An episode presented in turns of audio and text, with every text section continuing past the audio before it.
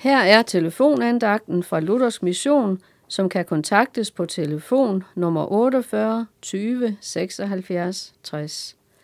I 1. Mosebog 2, vers 3 står der, Gud velsignede den syvende dag og helligede den, for på den dag hvilede han efter alt det arbejde, han havde udført, da han skabte. Gud hvilede efter seks dages arbejde med at skabe, og han velsignede den syvende dag. Senere gav han sit folk de ti bud. I det tredje bud siger Gud til os, husk sabbatsdagen og hold den hellig. I det slidsomme liv uden for paradiset har Gud givet os sine bud som et værn imod alt det onde.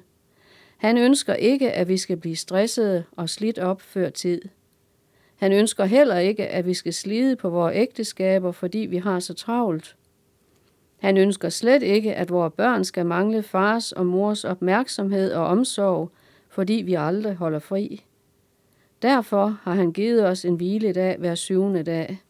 Det er Guds uendelige omsorg for os, og vi bliver velsignet, når vi følger hans anvisning. Hviledagen giver os nye kræfter til hverdagen i en ny uge.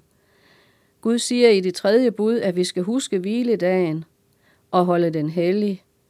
Vi er skabt med en krop og en psyke, der trænger til hvile efter arbejde, og derfor er det godt for os med en fridag.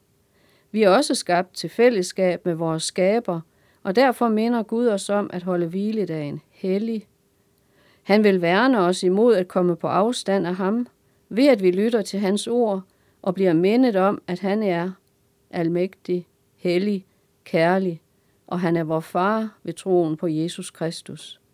Når vi er sammen med ham, kan han hjælpe os til at finde vej der, hvor vi ser mørke og hvile, når livet er tungt.